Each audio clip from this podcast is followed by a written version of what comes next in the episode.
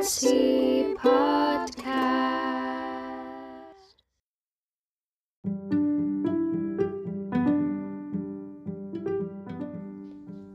membahas tentang keajaiban-keajaiban yang Tuhan pernah tunjukin di hidup aku.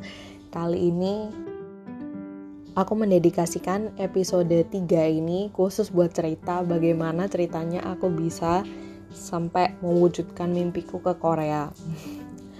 Jadi uh, beginilah ceritanya.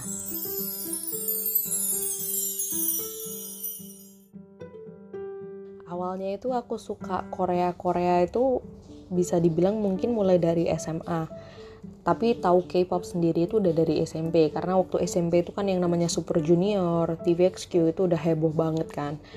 Dan waktu SMA itu kebetulan aku kepentok sama salah satu grup yaitu Shiny. Itu awal mula aku jadi K-popers kayak sekarang. Sebenarnya juga aku udah cerita banyak ke banyak orang. Pertamanya aku suka K-pop tuh karena karma, karena aku tuh dulu suka banget nyinyirin dan julitin salah satu temen aku yang seorang K-popers. Kayak apaan sih? Alay banget gitu. Suka Korea aja sampai kayak segitunya kayak gitu. Sampai ngomong itu harus kayak cringe banget yang kayak pakai uh, kosakata Korea kayak otoke, eh, cinta yo, kayak ah raso kayak iuh gitu kan. Dan akhirnya kena batunya.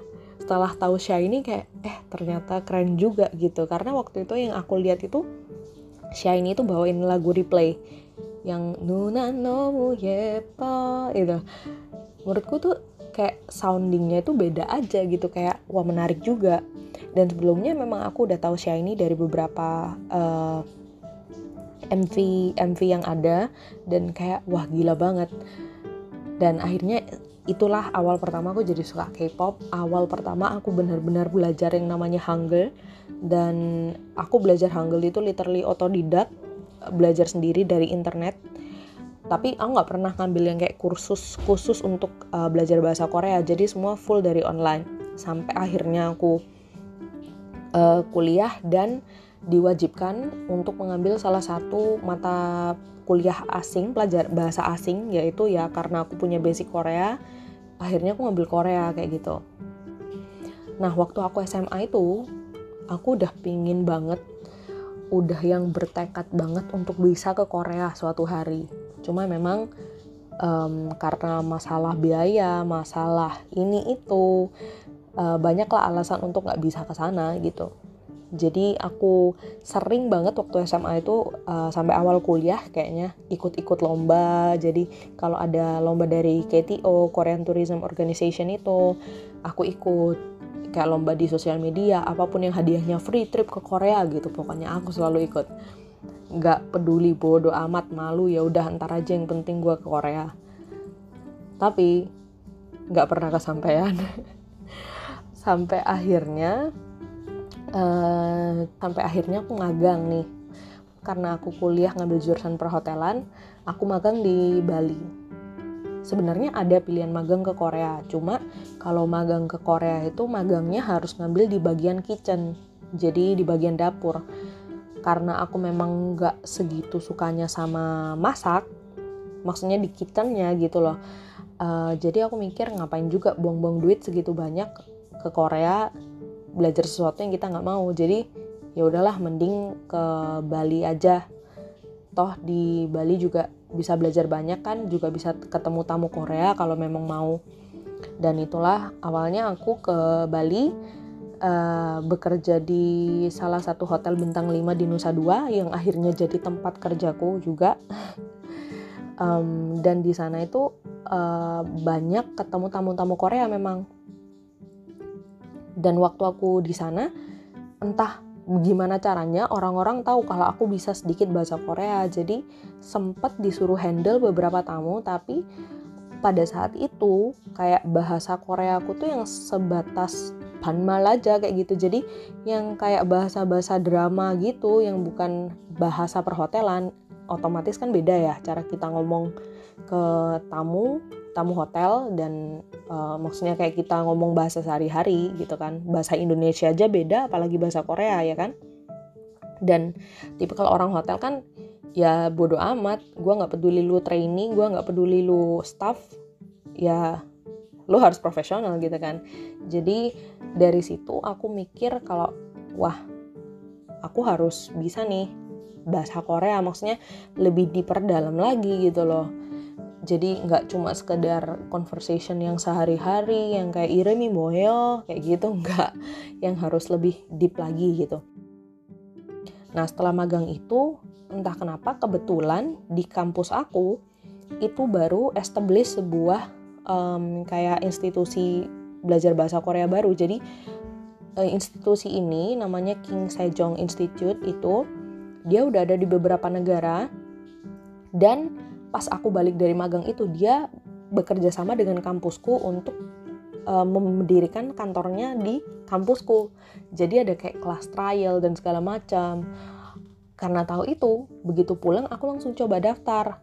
Tetapi kelasnya ternyata udah full untuk kelas reguler yang belajar memang belajar grammar, belajar vocabulary, kayak belajar bahasa Koreanya itu udah full. Jadi sisa yang ada itu kelas trial aja untuk culture class, which is culture class itu bahasa pengantarnya bahasa Inggris, jadi bukan bahasa Korea. Jadi kita nggak diajarin tentang bahasa Koreanya, tapi kita diajarin tentang budaya-budayanya. Nah aku pikir ya nothing to lose lah. Toh kan pasti diajarin juga satu dua kata gitu. Dan kita kalau tanya-tanya kan juga nggak mungkin gurunya nolak kan. Gurunya kebetulan native speaker juga. Dan kelasnya gratis lagi. Ya udah buku gratis semua gratis. Karena itu kelas trial aja kan. Kalau memang berhasil diadain uh, kalau nggak berhasil ya udah ditiadakan tahun depannya kayak gitu. Ya udahlah nggak apa-apa ikut. Nah setelah ikut kurang lebih kayak enam bulanan waktu mau akhir akhir tutup kelas itu ada pengumuman. Kalau mengada kalau institut ini dia bakal ngadain lomba speech bahasa Korea yang hadiahnya free trip to Korea. Di situ aku yang kayak wah mulai deg-degan kan kayak aduh daftar nggak ya daftar nggak ya? Tapi um, aku ingat waktu itu aku masih bimbingan skripsi.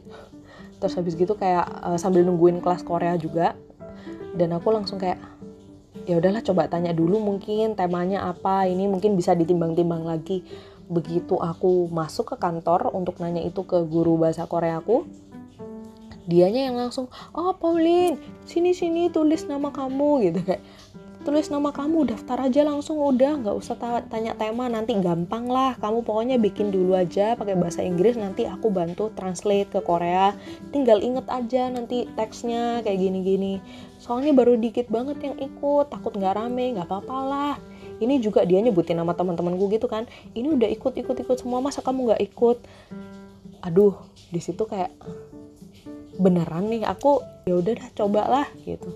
Ya udah akhirnya aku tulis nama tulis email dan segala macam. Akhirnya aku daftar lah dengan tidak sengaja seperti itu. Itu yang pulang aku yang masih kayak gila banget gue barusan ngapain? gitu kan. Akhirnya pulang mulai cari topik lah. Waktu itu aku inget topiknya itu um, treasure of Korea. Apa sih? Kayak gitu. Dan aku coba lihat um, finalis video finalis finalis dengan lomba Korean speech yang sama dari tahun-tahun sebelumnya dan itu kayak super kreatif banget. Dari pronunciation wise mereka bagus banget dan kayak aku minder duluan apa aku bisa gitu kan.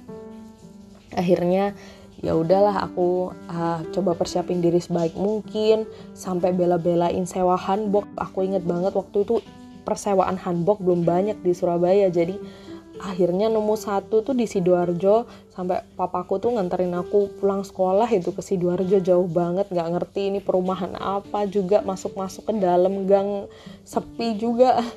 Tapi akhirnya dapet gitu kan sewa hanbok abis gitu karena aku ada masukin satu kayak magic trick juga di speech aku beberapa minggu tuh nyobain sulap aduh gila banget.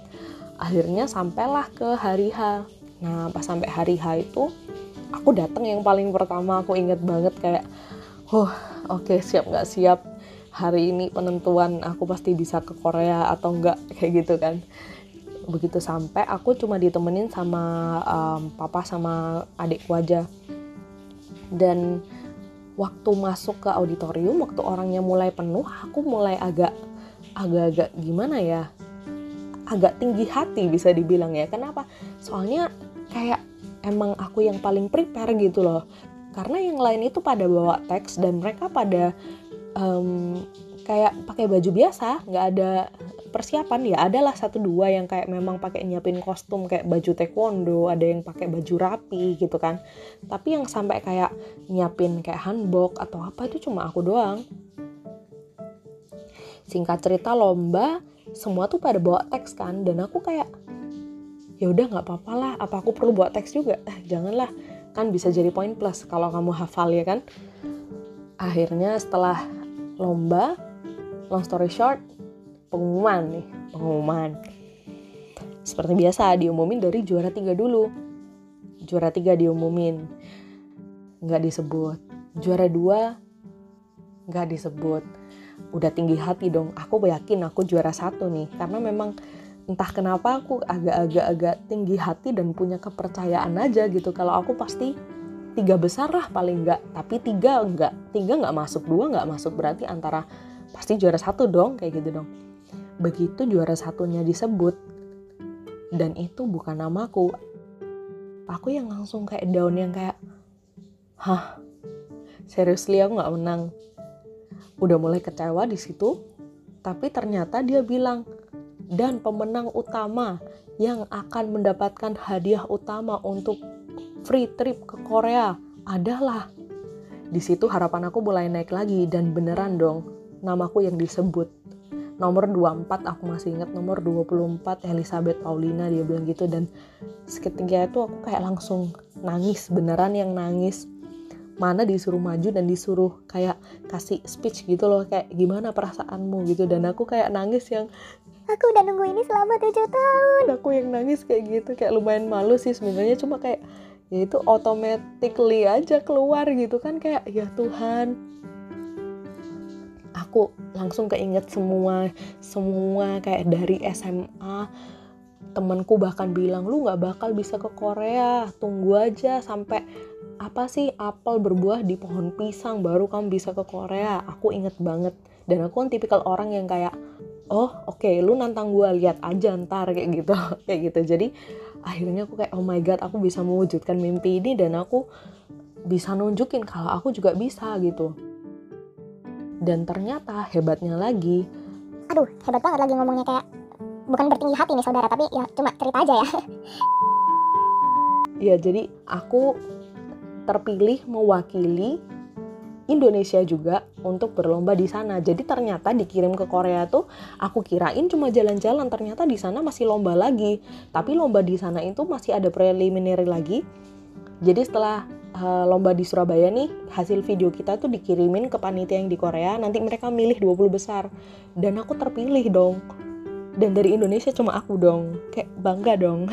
Kayak gitu.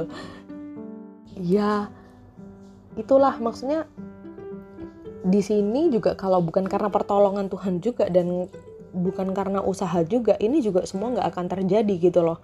Dan aku yakin Tuhan itu nggak pernah tutup mata gitu. Aku yang selalu yakin dan percaya Tuhan itu cuma punya tiga jawaban dari doa-doa kita. Ya nggak atau tunggu. Dan selama ini yang Tuhan kasih ke aku adalah tunggu. Tunggu tunggu tunggu nanti ada waktumu sendiri dan memang waktuku akhirnya datang gitu dan aku bisa ke Korea even harus nunggu selama 7 tahun gitu tapi itu beneran yang semua all free tiket pesawat dibayarin, hotel bintang 4 juga dibayarin, transport semua di sana dibayarin, nonton music bank dibayarin, jalan-jalan dibayarin semuanya, all include itu dibayarin. Jadi aku tinggal bawa uang saku aja. Yang di mana itu kayak luar biasa banget kan kayak gitu. Ya, jadi itulah salah satu kejadian luar biasa lagi yang terjadi di hidupku yang kalau tanpa bantuan Tuhan aku juga nggak mungkin akan bisa menjalani ini semua kayak gitu.